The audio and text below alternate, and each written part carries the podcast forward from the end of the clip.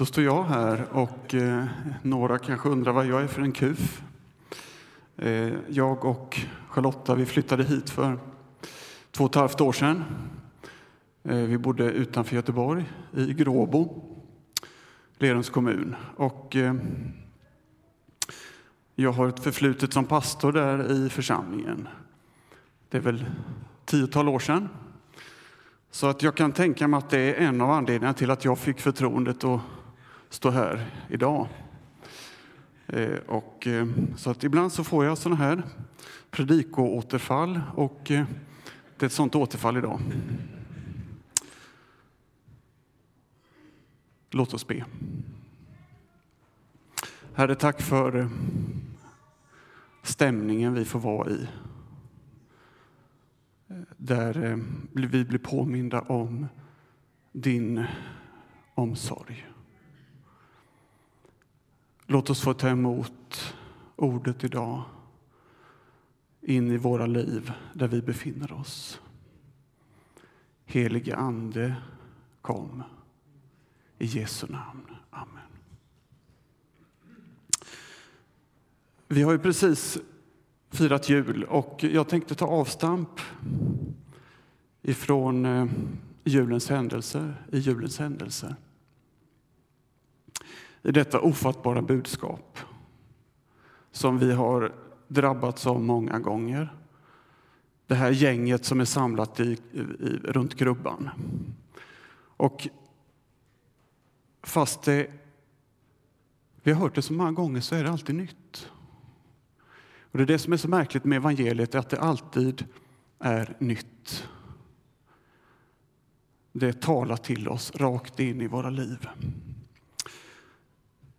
Jag hörde i andra hand att kyrkoherde, en av kyrkoherdarna, det finns säkert flera, i Betlehem i en luthersk församling hade sagt om Jesus hade fötts idag så hade han fötts vid en vägspärr.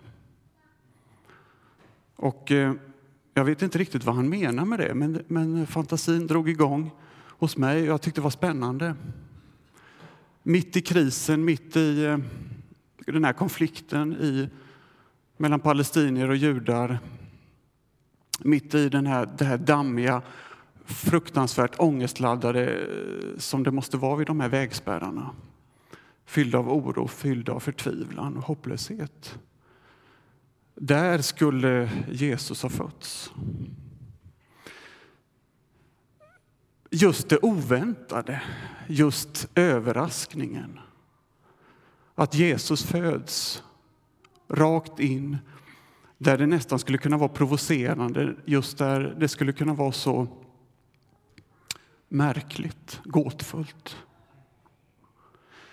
Jesus föds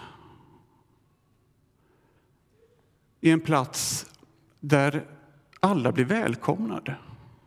Och jag tänker mig att det är det som kanske den här kyrkoherden tänker på också. En vägspärr, men, ja, men vad i all sin dag där? Det är ju, det är ju märkligt, det är ju, passar väl inte riktigt. Men just att Jesus har kommit nära oss alla.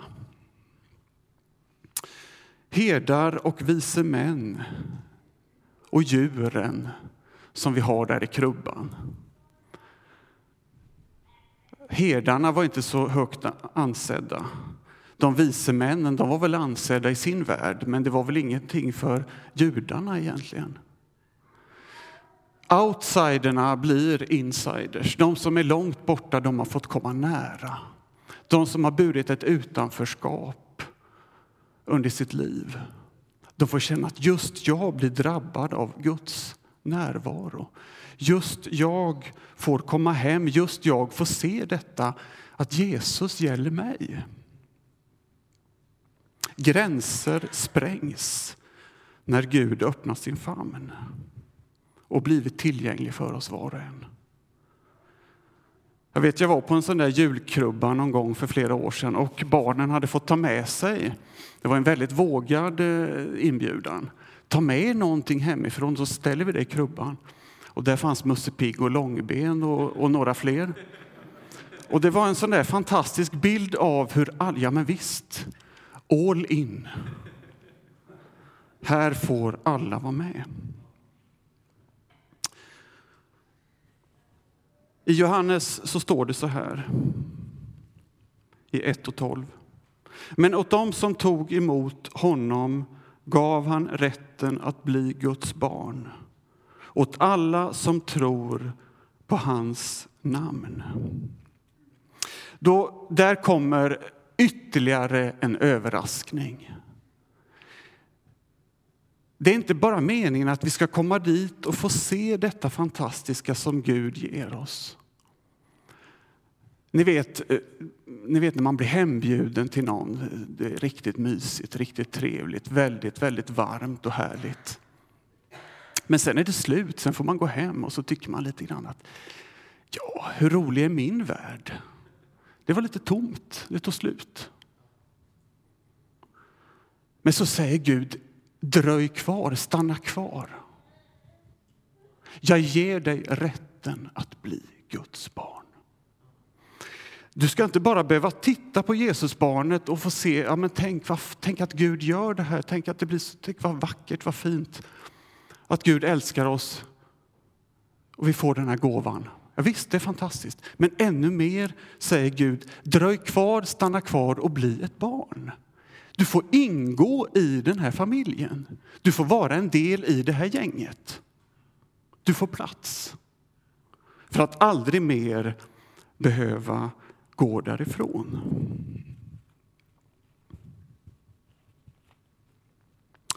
Paulus säger så här i Romarbrevet 8 och 15. Ni har inte fått en ande som gör er till slavar så att ni måste leva i fruktan igen. Ni har fått en ande som ger söners rätt så att vi kan ropa Abba, Fader. Anden själv vittnar tillsammans med vår ande om att vi är Guds barn. Paulus säger så här att ni har inte fått en ande som gör er till slavar igen. För de som läste det här så var slaveriet väldigt välkänt. Det var en del av samhället. Det var en, en integrerad del av, av samhällsskiktet. Det fanns väldigt många slavar i romarriket. Och många slavar hade det väldigt bra. De, eh, de levde ett väldigt bra liv. Det fanns slavar som till och med hade egna slavar. Och eh, det var, det var, många hade det ju väldigt hemskt förstås, men många hade det väldigt bra. Men det som var gemensamt med, eh, för de här slavarna, det var ju att de var ägda. De var inte fria. De hade det gemensamt att de hade ingen egen rätt. Utan de var ju ändå utelämnade åt sin ägare. De var utelämnade åt det godtyckliga. Det handlade på något sätt om att göra sig förtjänt av sin plats. Att på något sätt vara, vara den man borde vara. Att sköta sig. Att eh, blidka, att prestera, att göra någonting för att behålla sin plats, om man nu hade en plats som var värd att bevaka. Man var ändå utelämnad i det här slaveriet. Man kunde lätt bli bortvispad. Och mina tankar gick också till hur det många gånger kan vara för oss som lever idag. Visst kan det ibland vara lite slavliknande förhållanden även för de som har det ganska bra. Vi har ett samhälle där det är väldigt viktigt det vi gör. Det man gör är också det man är många gånger. Den man, man, värder, man värderas efter vad man, vad, vad man presterar. Det är väldigt lätt att bli bortvispad i vårt samhälle. Det är väldigt lätt att bli utanför. Det är väldigt lätt att gå med ett utanförskap. Livets spel handlar om vinnare och förlorare väldigt ofta. Det gäller att göra sitt yttersta för att bli en vinnare. Prestationer blir viktigare än relationer. Och jag tror att Paulus pratar om det här för att påminna oss om slaveriet jämföra med slaveriet där prestationen var viktigare än relationen. Och jag tänker att det också är lätt att i en församling, att som troende hamna i det här att det är viktigt att förtjäna sin plats. Att göra någonting för Gud, göra någonting för att inte känna att jag är misslyckad och inte duger. Det är lätt att det blir att man ska prestera ett andligt resultat. Att visa upp att jag är visst en väldigt bra människa. Jag är en väldigt skötsam kristen. Och så blir det nästan som att det finns vinnare och förlorare. De som är bättre och de som är sämre. Även i Guds rike eller även i det vi kallar församlingsliv. Många gånger kan man gå runt med frågan vad ska jag göra för Gud? Innan man tar emot gåvan vad vi är för Gud. Det handlar alltså om vad vi är för Gud. Paulus säger, ni ska inte vara slavar längre. Ni ska inte behöva uppleva att ni måste duga hos Gud. Nej, ni ska få bli barn till Gud. Ni ska få vara hos Gud. Ni ska få växa hos honom. Var och en får rätten att bli ett Guds barn. Och jag tror att den här grunden är väldigt viktig för att fortsättningen ska bli hållbar. Vi har så otroligt svårt att förstå det här, i alla fall jag. Mina tankar gick också till berättelsen om de förlorade sönerna, eller berättelsen om den förlorade sonen. Ni vet han som ger sig av hemifrån, han ber om att hans far ska skifta arvet och så ger han sig av ut i världen. Och sen när han är där så går han igenom väldigt mycket elände. Det var inte alls så roligt som han trodde. Och då står det så här i Lukas 15 och 17. Då kom han till besinning och tänkte, hur många daglönare hos min far har inte mat i överflöd? Och här svälter jag ihjäl.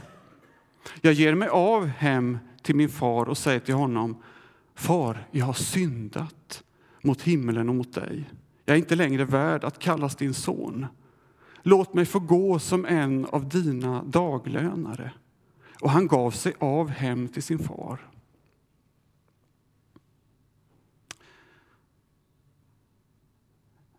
Den här versen berättar om hur otroligt svårt det kan vara för oss att förstå Guds omsorg och Guds nåd. Den här sonen han kom ju på där eländet att ja, men det finns, det är ju väldigt bra hemma hos pappa. Jag tror att jag ger mig av hem där och så kan jag ju gå som slav i huset. Jag ska åka hem dit och så ska jag verkligen sköta mig. Jag ska verkligen försöka att bli så duktig så att jag kan få vara där och få lite mat på bordet och få fungera hyfsat. Att återvända hem till Gud för att arbeta och förtjäna sin plats. Och då visste han att Gud, att far var god. Jag, jag, kände igen mig när jag läste det här. Ja. Jag har på något sätt också formats av det här att Gud vill nog att jag ska sköta mig. Det är nog det som är väldigt viktigt. Och är man med i en församling så påminner vi oss ibland om det och vi påminner varandra om det att det är väldigt bra att vara en skötsam kristen. Det är väldigt bra att ha någonting att visa upp som skapar en trovärdighet. Att återvända till Gud och säga, ja den här gången Gud, då ska jag verkligen bli riktigt bra. Jag ska verkligen försöka och göra allt vad jag kan. Jag har misslyckats men nu ska jag uppföra mig och bättra mig. Den här skammen och skulden sitter många gånger så djupt i oss att vi har så svårt att förstå att Gud älskar oss. Gud är ointresserad av våra prestationer. Han är ute efter en relation.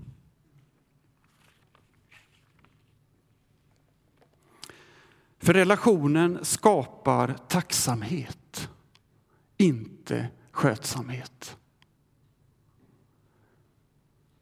Den som blir drabbad av Guds kärlek och känner och tar emot kärleken. Jag har rätten att få vara Guds barn som jag är. Drabbas av tacksamheten. Som är en långt bättre och mer förvandlande kraft än skötsamheten. I texten så får vi reda på hur Gud ser på oss. När sonen är på väg hem och tänker nu ska jag hem till och försöka göra mitt bästa. Så står det så här. Redan på långt håll fick fadern syn på honom. Han fylldes av medlidande och sprang emot honom och omfamnade och kysste honom. Sonen sa, Far, jag har syndat mot himlen och mot dig. Jag är inte längre värd att kallas din son. Men fadern sa till sin tjänare, skynda och ta fram min finaste dräkt och klä honom i den. Och sätt en ring på hans hand och skor på hans fötter och hämta gödkalven och slakta den, så ska vi äta och hålla fest. Min son var död och lever igen. Han var förlorad och är återfunnen.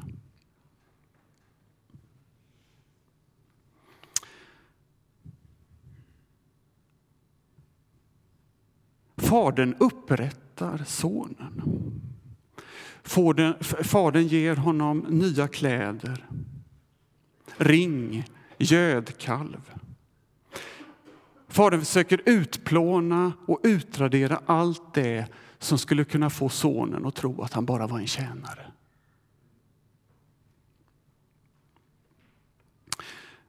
Fadern försöker ge honom synliga tecken på barnaskap för att försöka få honom att förstå att det är det här som livet handlar om.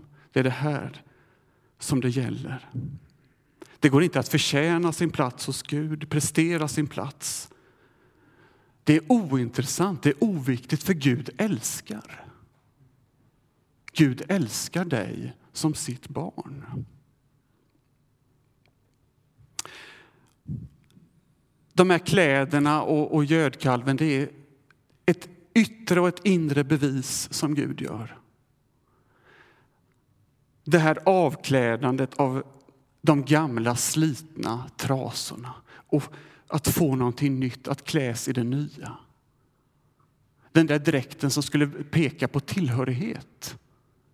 De där nya kläderna som skulle kunna få sonen att mer känna, ja men jag tillhör ju den här platsen, det är min plats. Här är jag hemma. Och gödkalven som man bara åt vid mycket, mycket speciella tillfällen. För att han skulle se du är utvald. Du är utvald, du ska få ta del av det här goda för att det skulle vara någon, en inre förvandlande kraft. Det är en symbolik när vi kommer till Gud att vi får någonting,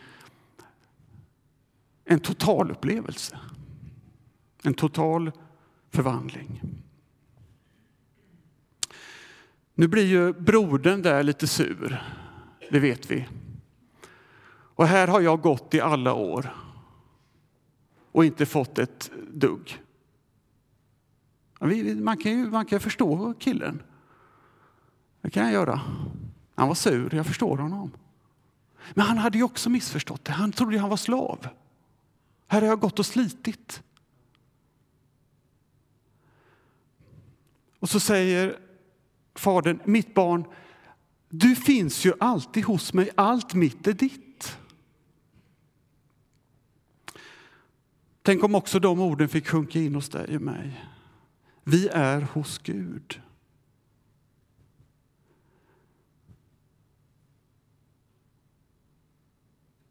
Allt det Gud har och det Gud är kan vi också få ta del av för att känna hemkänslan, tillhörigheten.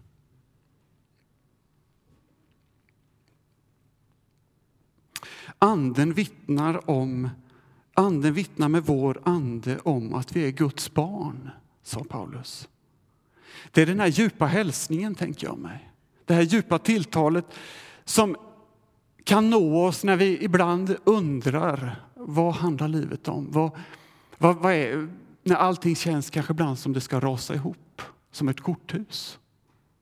Så kan det finns, finnas en punkt i oss där Gud kan nå oss och hälsa så att det, det liksom kan beröra oss djupt inifrån och sen skapa en förvandling som, som, går, som, som, som, som blir som en sprängdeg som, som tar sig ett uttryck som förvandlar.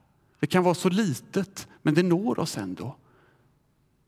Ja, men det kanske är sant att det här budskapet gäller mig. Jag kanske är älskad. Det kanske är det det handlar om.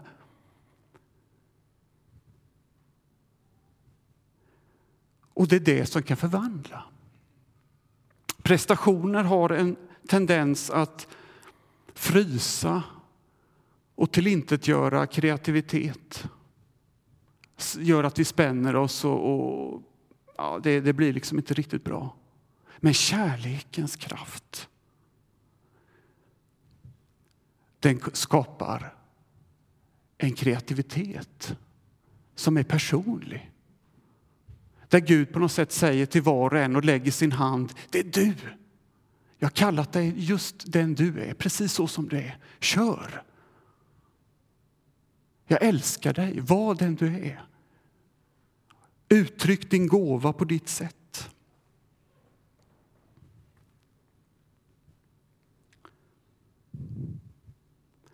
Julens budskap påminner oss om att Jesus kommer, frälsaren. Vi får uppleva att Gud har försonat oss. Vi tillhör Gud. Och ännu mer, vi får också bli Guds barn. Vi får bli de här barnen i Guds hand som blir som en krubba. Där vi får växa. Där vi får bli de som vi är tänkta att vara.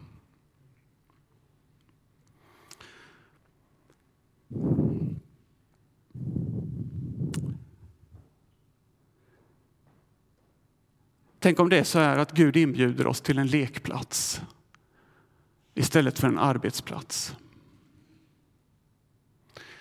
Det är inte detsamma som att det inte finns någonting att göra. Om du har varit på en lekplats någon gång så vet du att där finns hur mycket som helst att göra.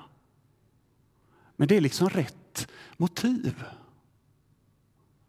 Det handlar inte om att bli bättre eller sämre än någon annan. Det handlar om att få vara sig själv.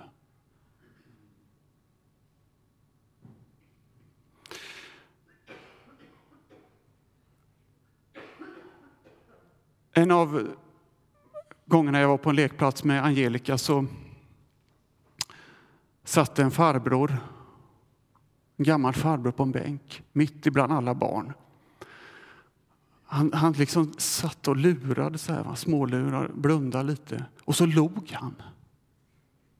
Och så tänkte jag sen, det är ju lite barnsligt kanske att tänka så, men jag, det drabbade mig väldigt. Men var inte det där Gud? Eller visst, visst, då tänkte jag, men sån här tror jag att Gud är. Vi, vi befinner oss på den här lekplatsen i Guds hand. Och där Gud sitter mitt i alltihop och blundar lite lojt, avslappnat och bara tänker, tänk vad jag älskar de där ungarna. Tänk vad de betyder mycket för mig.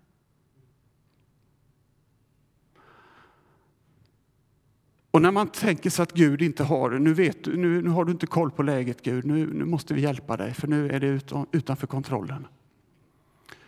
I den där vilan som Gud har så uttrycker Gud, jag har allting i min hand.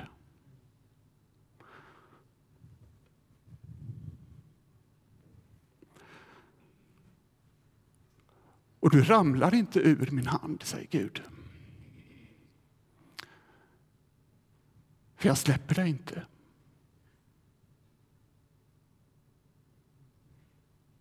Amen.